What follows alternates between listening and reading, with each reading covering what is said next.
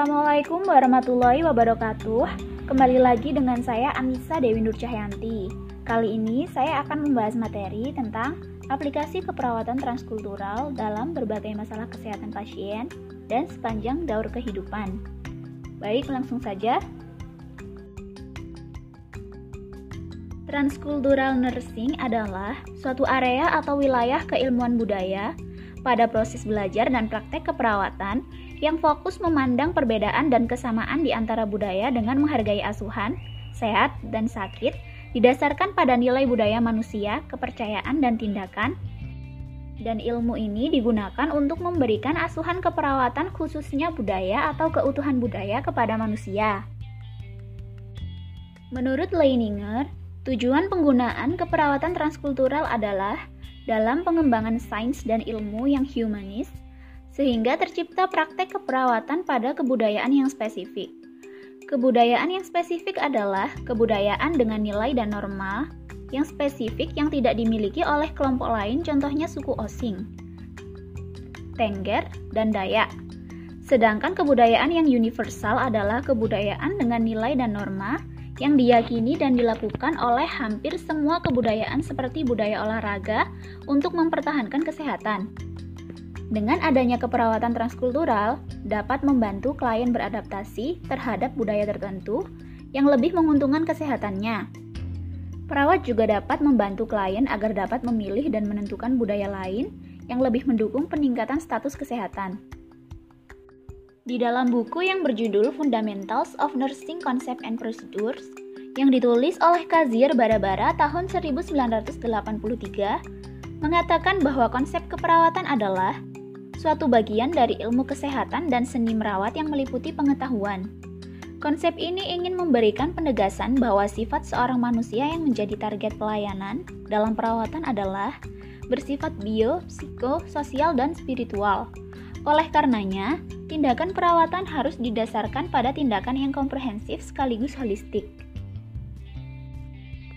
Leidinger tahun 1985 mengartikan paradigma keperawatan transkultural sebagai cara pandang, keyakinan, nilai-nilai, konsep-konsep dalam terlaksananya asuhan keperawatan yang sesuai dengan latar belakang budaya terhadap empat konsep sentral keperawatan. Dikutip dari jurnal Andrew and Boyle tahun 1995, yaitu manusia, sehat, lingkungan, dan keperawatan. Proses keperawatan transkultural Teori yang dikembangkan oleh Leininger dalam menjelaskan asuhan keperawatan dalam konteks budaya menyatakan bahwa proses keperawatan ini digunakan oleh perawat sebagai landasan berpikir dan memberikan solusi terhadap masalah klien. Pengelolaan asuhan keperawatan dilaksanakan dari mulai tahap pengkajian, diagnosa keperawatan, perencanaan, pelaksanaan, dan evaluasi. Tren dan isu transkultural nursing banyak hal dalam budaya Indonesia, termasuk dalam cara mereka mempercayai dan mengobati diri mereka untuk membuat hidup mereka mampu menangani sakit yang mereka alami. Sebagai contoh, budaya Jawa. Di sini budaya Jawa yang sering kami ketahui cara dan adat yang mereka percayai untuk mengobati diri saat sakit adalah dengan kerokan. Kerokan bukan hal yang asing bagi budaya Jawa. Lebih dari banyak orang Jawa yang masih menggunakan kerokan untuk mengobati sakit mereka sampai saat ini.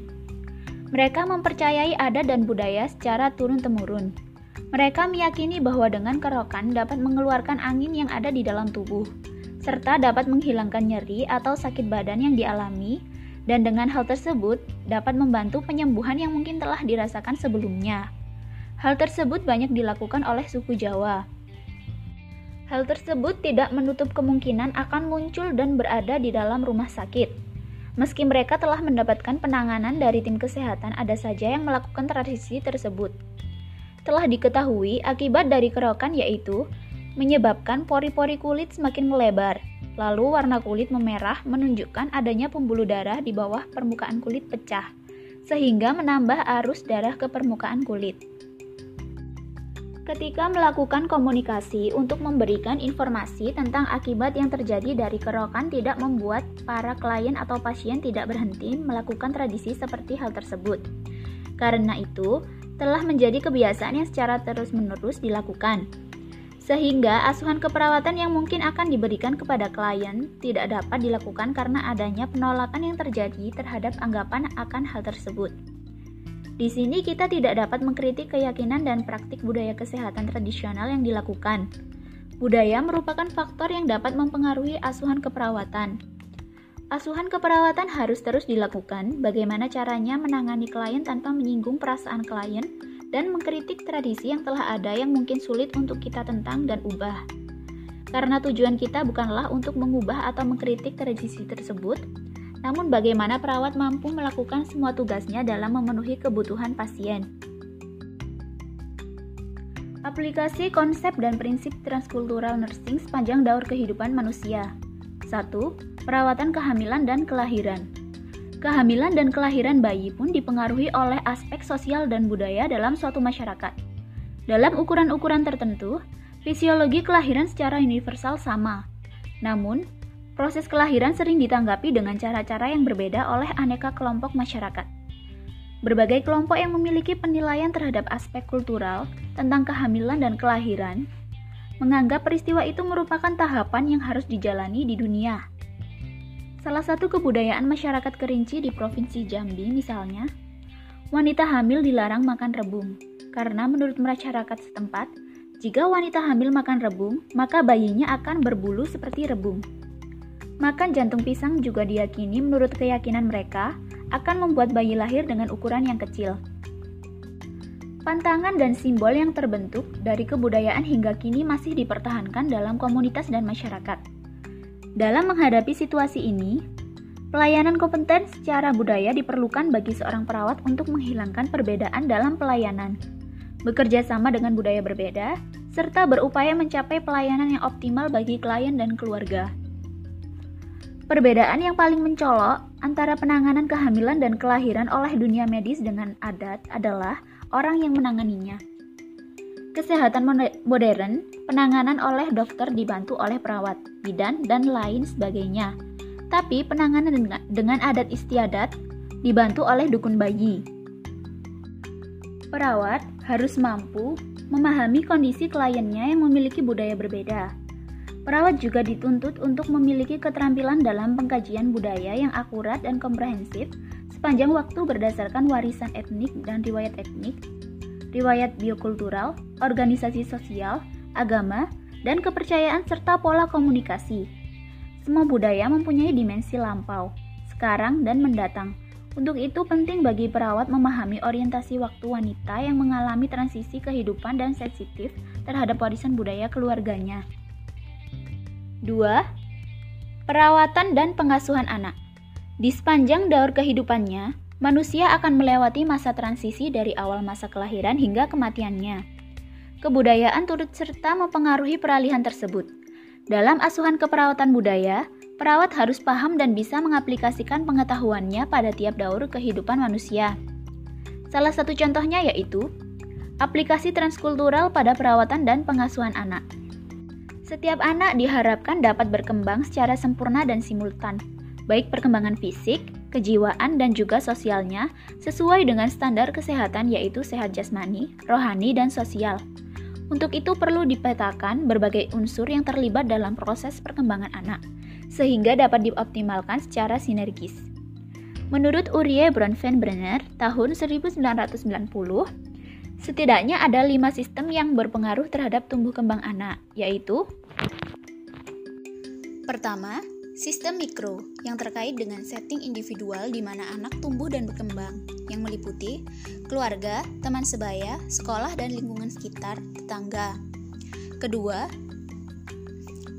sistem meso yang merupakan hubungan di antara mikrosistem. Misalnya hubungan pengalaman-pengalaman yang didapatkan di dalam keluarga dengan pengalaman di sekolah atau pengalaman dengan teman sebaya.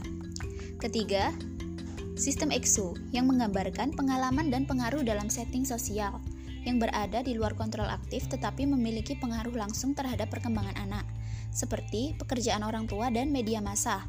Keempat, sistem makro yang merupakan budaya di mana individu hidup, seperti ideologi, budaya, subbudaya, atau strata sosial masyarakat. Kelima, sistem krono yang merupakan gambaran kondisi kritis transisional atau kondisi sosio-historik. Keempat sistem pertama harus mampu dioptimalkan secara sinergis dalam pengembangan berbagai potensi anak, sehingga dibutuhkan pola pengasuhan, pola pembelajaran, pola pergaulan termasuk penggunaan media massa, dan pola kebiasaan atau budaya yang koheren yang saling mendukung. Proses sosialisasi pada anak secara umum melalui empat fase, yaitu 1. Fase laten 2. Fase adaptasi 3. Fase pencapaian tujuan 4. Fase integrasi Interaksi anak dengan lingkungannya secara tidak langsung telah mengenalkan dirinya pada kultural atau kebudayaan yang ada di sekelilingnya. Lingkungan dan keluarga turut berperan serta dalam tumbuh kembang anak. Hal ini pun tidak terlepas dari pengaruh-pengaruh budaya yang ada di sekitarnya. Sebagai perawat, dalam memberikan pengasuhan dan perawatan perlu mengarahkan anak pada perilaku perkembangan yang normal membantu dalam memaksimalkan kemampuannya dan menggunakan kemampuannya untuk coping dengan membantu mencapai keseimbangan perkembangan yang penting. Perawat juga harus sangat melibatkan anak dalam merencanakan proses perkembangan, karena preadolescence memiliki keterampilan kognitif dan sosial yang meningkat sehingga dapat merencanakan aktivitas perkembangan. Dalam lingkungannya, anak diharuskan bekerja dan bermain secara kooperatif dalam kelompok besar anak-anak dalam berbagai latar belakang budaya. Dalam proses ini, anak mungkin menghadapi masalah kesehatan psikososial dan fisik, misalnya meningkatnya kerentanan terhadap infeksi pernafasan, penyesuaian yang salah di sekolah, hubungan dengan kawan sebaya tidak adekuat, atau gangguan belajar. Perawat harus merancang intervensi peningkatan kesehatan anak dengan turut mengkaji kultur yang berkembang pada anak agar tidak terjadi konflik budaya terhadap anak yang akan mengakibatkan tidak optimalnya pengasuhan dan perawatan anak. Penerapan konsep kultur lainnya Sistem pengobatan tradisional merupakan subunsur kebudayaan masyarakat sederhana pengetahuan tradisional. Dalam masyarakat tradisional, sistem pengobatan tradisional ini adalah pranata sosial yang harus dipelajari dengan cara yang sama, seperti mempelajari pranata sosial umumnya dan bahwa praktek pengobatan asli tradisional adalah rasional, dilihat dari sudut kepercayaan yang berlaku mengenai sebab akibat.